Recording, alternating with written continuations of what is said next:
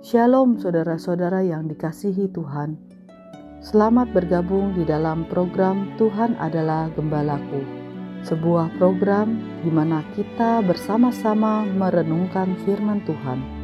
Firman yang meneguhkan iman agar kita hidup menyenangkan hati Tuhan dan menjadi berkat bagi sesama.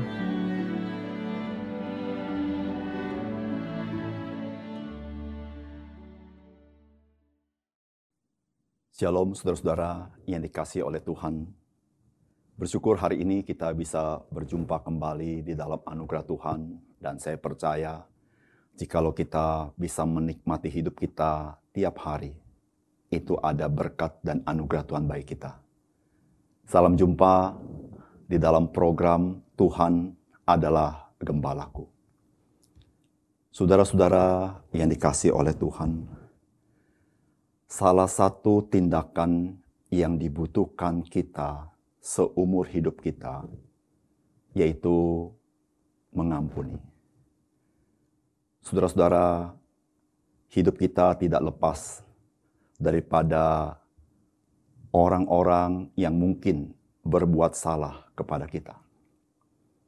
Tetapi saudara-saudara, mengampuni bukanlah perkara yang mudah dan mengampuni bukanlah perkara yang bisa menjadi sesuatu yang familiar dengan hidup kita, sehingga kita dengan mudah mengampuni orang lain. Saudara, hari ini kita akan merenungkan seberapa pentingkah di mata Tuhan semangat mengampuni orang lain. Oleh karena itu, saya akan bacakan firman Tuhan yang terambil dari Matius pasal 6 ayat 14 dan ayat 15. Karena jikalau kamu mengampuni kesalahan orang, Bapakmu yang di sorga akan mengampuni kamu juga. Tetapi jikalau kamu tidak mengampuni orang, Bapamu juga tidak akan mengampuni kesalahanmu.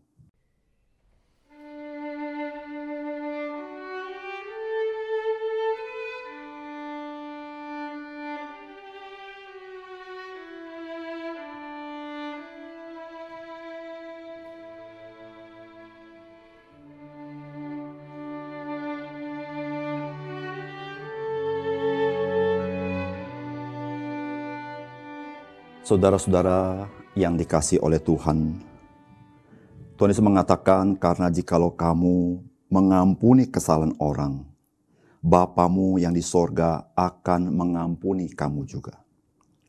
Tetapi jikalau kamu tidak mengampuni orang, Bapamu juga tidak akan mengampuni kesalahanmu. Saudara-saudara, dari ayat firman Tuhan ini, maka kita belajar satu hal, pengampunan yang Bapa berikan kepada kita sifatnya bersyarat. Jikalau saudara mengampuni kesalahan orang lain kepada saudara, maka Bapakmu di sorga juga mengampuni kamu. Tetapi jikalau saudara tidak mengampuni orang yang bersalah kepada saudara, maka Bapa di sorga juga tidak mengampuni kamu. Saudara-saudara, sebagai anak-anak Tuhan kita mengerti pengampunan yang Tuhan Yesus berikan kepada kita sifatnya anugerah, bukan karena perbuatan kita. Tetapi dalam pengajaran hari ini, Tuhan memberitahukan pengampunan yang Bapa berikan kepada kita sebagai anak-anak Tuhan, sifatnya bersyarat. Jikalau engkau mengampuni orang yang bersalah kepadamu, Bapa di surga mengampuni engkau jikalau engkau tidak mengampuni kesalahan orang lain kepadamu, maka Bapamu di surga juga tidak mengampuni engkau. Saudara-saudara, mengapa demikian? Apakah yang menjadi tujuan dan maksud Tuhan sehingga pengampunan yang Bapak berikan kepada kita sebagai anak-anak Tuhan sifatnya bersyarat? Saudara yang pertama yang saya dapatkan adalah Bapa di surga ingin kita hidup dengan mawas diri.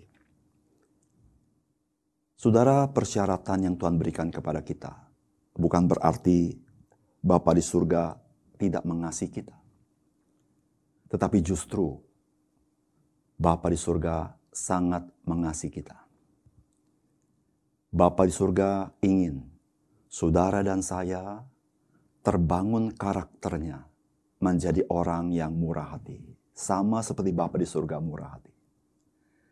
Saudara-saudara, Bapa di surga ingin bagaimana relasi kita dengan Bapa di surga menjadi sedorongan yang kuat untuk kita mengampuni orang lain. Satu kerinduan hati kita menyenangkan Bapa di surga menjadi dorongan baik kita untuk kita mengasihi orang lain. Saudara-saudara, apakah yang mendrive hidup saudara? Apakah yang menggerakkan hidup saudara? Tuhan ingin kasih Bapa di surga. Itulah yang mendorong saudara. Sehingga saudara-saudara, kekuatan kita untuk kita mengampuni orang lain bukan karena kehebatan kita, tetapi semata-mata karena pertolongan dari Tuhan kepada kita. Sehingga saudara-saudara, relasi kita dengan orang lain menjadi baik. Kenapa saudara? Karena kita mencintai Tuhan. Dan itulah yang mendorong kita mengampuni orang lain. Di situlah saudara kita mawas diri. Bagaimana kasihmu kepada Bapa, begitulah engkau berbuat kepada orang lain. Yang kedua, saudara-saudara, yang saya dapatkan dari firman Tuhan ini, firman Tuhan ini ingin memesankan kepada kita. Kita tidak dapat mengasihi Tuhan tanpa mengasihi orang lain. Saudara-saudara, apa yang Tuhan katakan bukan saja dimengerti sebagai syarat.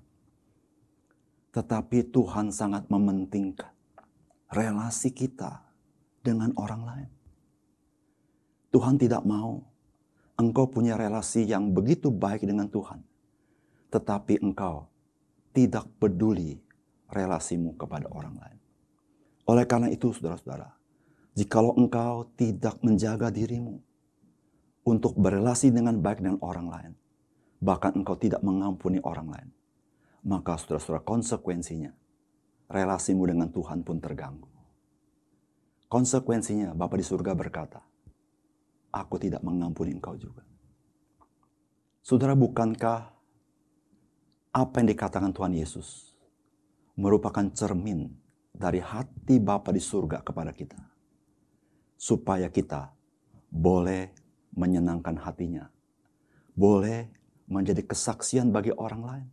Boleh tidak menjadi batu sandungan bagi orang lain. Saudara yang kasih dalam Tuhan. Tuhan tidak ingin saudara mengasihi Tuhan, tapi mengabaikan orang lain. Tuhan tidak ingin saudara kita maunya diampuni Tuhan, tetapi kita tidak pernah mau mengampuni orang lain. Saudara-saudara, Tuhan tidak sedang memanjakan kita sebagai anak-anaknya. Tetapi Tuhan sedang melatih kita supaya kita menjadi serupa dengan Bapa di surga. Yang ketiga, saudara-saudara. Saudara-saudara, ketika kita mendapatkan firman Tuhan ini, maka saya mendapatkan bahwa konteks firman Tuhan ini bukan dalam konteks keselamatan. Tetapi di dalam konteks pengudusan atau pertumbuhan rohani dari anak-anak Tuhan. Saudara Alkitab katakan, jikalau kamu mengampuni orang lain, maka Bapamu di surga juga mengampuni engkau. Tetapi bagaimana jikalau kita tidak mengampuni orang lain? Maka Tuhan Yesus juga mengatakan, Bapamu yang di surga tidak akan mengampuni engkau. Artinya, saudara, kalau engkau mengampuni orang lain, engkau tetap anak-anak Allah dan Tuhan adalah Bapa kita di surga. Tetapi jika engkau tidak mengampuni orang lain, engkau dan saya yang berada di dalam Yesus Kristus tetap adalah anak-anak Tuhan. Tetapi Bapamu yang di surga tidak akan mengampuni engkau. Saudara yang kasih dalam Tuhan. Keselamatan yang Tuhan berikan tidak bersyarat. Pengampunan yang lunas di atas kayu salib tidak bersyarat semata-mata anugerah. Tetapi saudara-saudara, ketika hidup dalam keselamatan Tuhan, Tuhan mau saudara dan saya bertumbuh menjadi serupa dengan Bapa di surga. Alkitab katakan, hendaklah engkau murah hati, sebagaimana Bapamu di surga murah hati. Itulah sebabnya saudara-saudara, di dalam pekerjaan Allah menguduskan kita. Apa yang Allah inginkan, itulah yang harus kita kerjakan. Supaya kita menjadi serupa dengan dia. Saudara-saudara, Bapak mau saudara dan saya selalu belajar mengampuni kesalahan orang lain. Mari kita berdoa. Bapa kami di surga, terima kasih untuk kebenaran firman-Mu. Seumur hidup kami, kami tidak pernah luput dari semangat belajar mengampuni orang lain.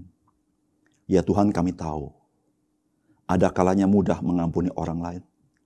Tetapi ada saatnya sangat sulit mengampuni orang lain. Tapi kami bersyukur kepada Tuhan melalui firman-Mu ini. Melalui pengampunan kepada orang lain, kami belajar menjadi serupa dengan Engkau. Dan Tuhan mau yang mendorong kami mengampuni orang lain bukan karena kekuatan kami, tapi karena kasih Tuhan yang Tuhan berikan kepada kami. Sehingga kami belajar mengasihi Engkau ya Tuhan. Dan itulah yang mendrive kami. Mau mengampuni orang lain. Mau mengasihi orang lain. Ya Tuhan, biarlah kasih kami kepadamu terus bertumbuh. Karena Engkau terus mengasihi kami. Dengan demikian, kasih kami kepada orang lain juga bertumbuh ya Tuhan. Tuhan terima kasih. Kami sebagai anak-anak Tuhan, Tuhan latih, Tuhan disiplin. Supaya menjadi kemuliaan bagi nama Tuhan. Tuhan kami serahkan diri kami kepadamu ya Tuhan. Hidup hari ini kami serahkan kepada Tuhan. Bahkan seumur hidup kami. Kami selalu belajar bagaimana kami membuka hati kepada orang lain. Mau mengampuni kesalahan mereka. Karena kasih Kristus yang tinggal di dalam kami. Terima kasih Tuhan. Dalam nama Tuhan Yesus kami berdoa. Amin.